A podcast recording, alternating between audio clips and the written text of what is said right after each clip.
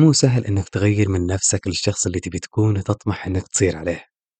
وبيكون في محاولات عديدة وتجارب كثيرة بتمر في طريقك واللي بيهون عليك المسير للوصول ثلاثة أشياء الصبر والعزيمة وتذكر نفسك بالهدف اللي تبي توصل له والشخص الجديد المليء بالتجارب والخبرات. من طول المسير يولد الصبر من عمق المعاناة تولد التجارب من غصة الألم تولد الحكمة. ولكل منها مواقف كثيرة وصعاب مختلفة.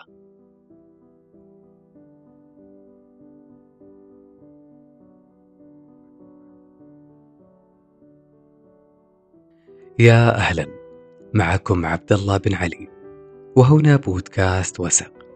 هذا الليل إذا أقبل آوى كل شيء إلى مأواه هذه الحلقة بعنوان التغيير.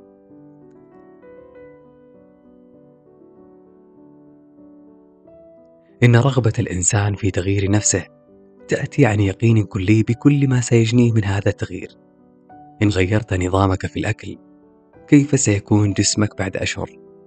ثم لو غيرت من طريقة تفكيرك كيف ستكون معاملتك مع الطرف الآخر؟ وإن غيرت في عاداتك القديمة كالاكتفاء بها وفقط كيف سيكون كل ما هو جديد في حياتك؟ فالتغيير له ثمن إما أن ندفع ثمن التغيير أو ندفع ثمن ثباتنا في زاوية مغلقة. اصنع من نفسك شيئا تستحق التفاخر به أمام الملأ وحافظ على الشيء الذي غير حياتك. فما أجمل أن تتغير إلى الأفضل وتكون مع الصاعدين إلى القمة.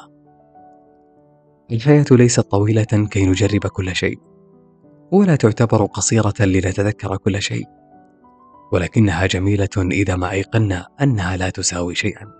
الحياة ما هي إلا قصة صغيرة يجب أن نتعلم منها كي نعيش سعيدين على الرغم من قسوتها. هكذا كان تفسير الحياة للكثير من العابرين. وبالرغم من هذا الوصف ما الذي كان يحدث حين تشتد عليك قسوة الحياة؟ هل تحاول أن تتأقلم؟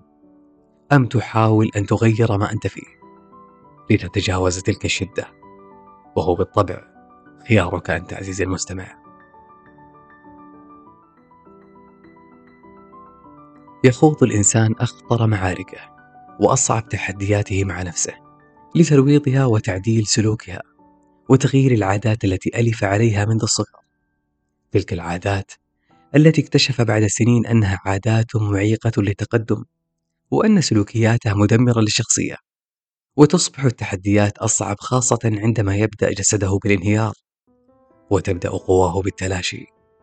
عندما تنهال عليه المحن وتضيق عليه الدروب. يجب على الإنسان ألا يتوانى ولا لحظة من أجل إبقاء روحه متألقة بالحيوية.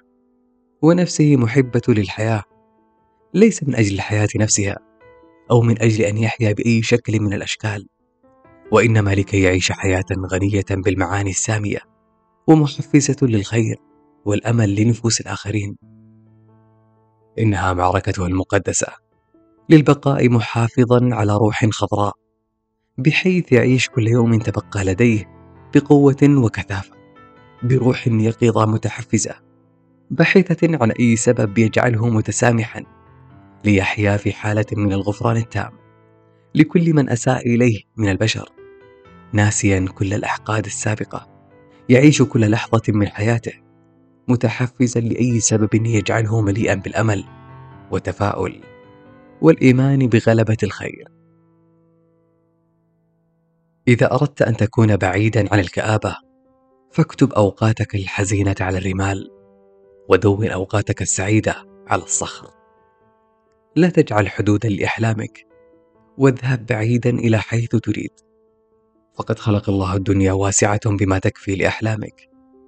انسى كل ما مر بك من أحزان وخيبات أمل من الناس واترك كل ذلك ورائك. وامضي قدما. فالحياة ولادة للأحداث السارة والمفاجآت رغم كل ذلك. وأن هناك نعما لا تحصى بانتظارك. انظر إليها بقلوب الأطفال وسيدهشك جمالها وروعتها. أصدقاء بودكاست وسم أعتذر عن الانقطاع المفاجئ. ولكن من منا لا يمر بظروف تغير المسار قليلا. لنقول لتجعله أفضل رغم انقطاعه البسيط عن شغفه وهواياته. لكن العودة تكون مليئة بالشغف. وصلنا سويا لاستماعات وأرقام مدهشة. ودعم أكبر واشتراكات أكثر على قناة وسق اليوتيوب. وعلى منصات الاستماع. ممتن لكم جميعا. وقبل نهاية الحلقة لا تنسون نشرها ومشاركتها مع من تحبون. يقولون منحني الله شجاعة الإقبال على تغيير الأشياء لذا أقوم بتغييرها. ومنحني الهدوء لأتقبل ما أعجز عن تغييره. كما منحني الحكمة لمعرفة الفرق بين الأمرين. ويقولون أيضا التغيير مثل الشفاء يستغرق وقتا. وأخيرا تذكر يا صديقي النضج مؤلم التغيير مؤلم لكن لا شيء مؤلما كالبقاء عالقا في مكان لا تنتمي له.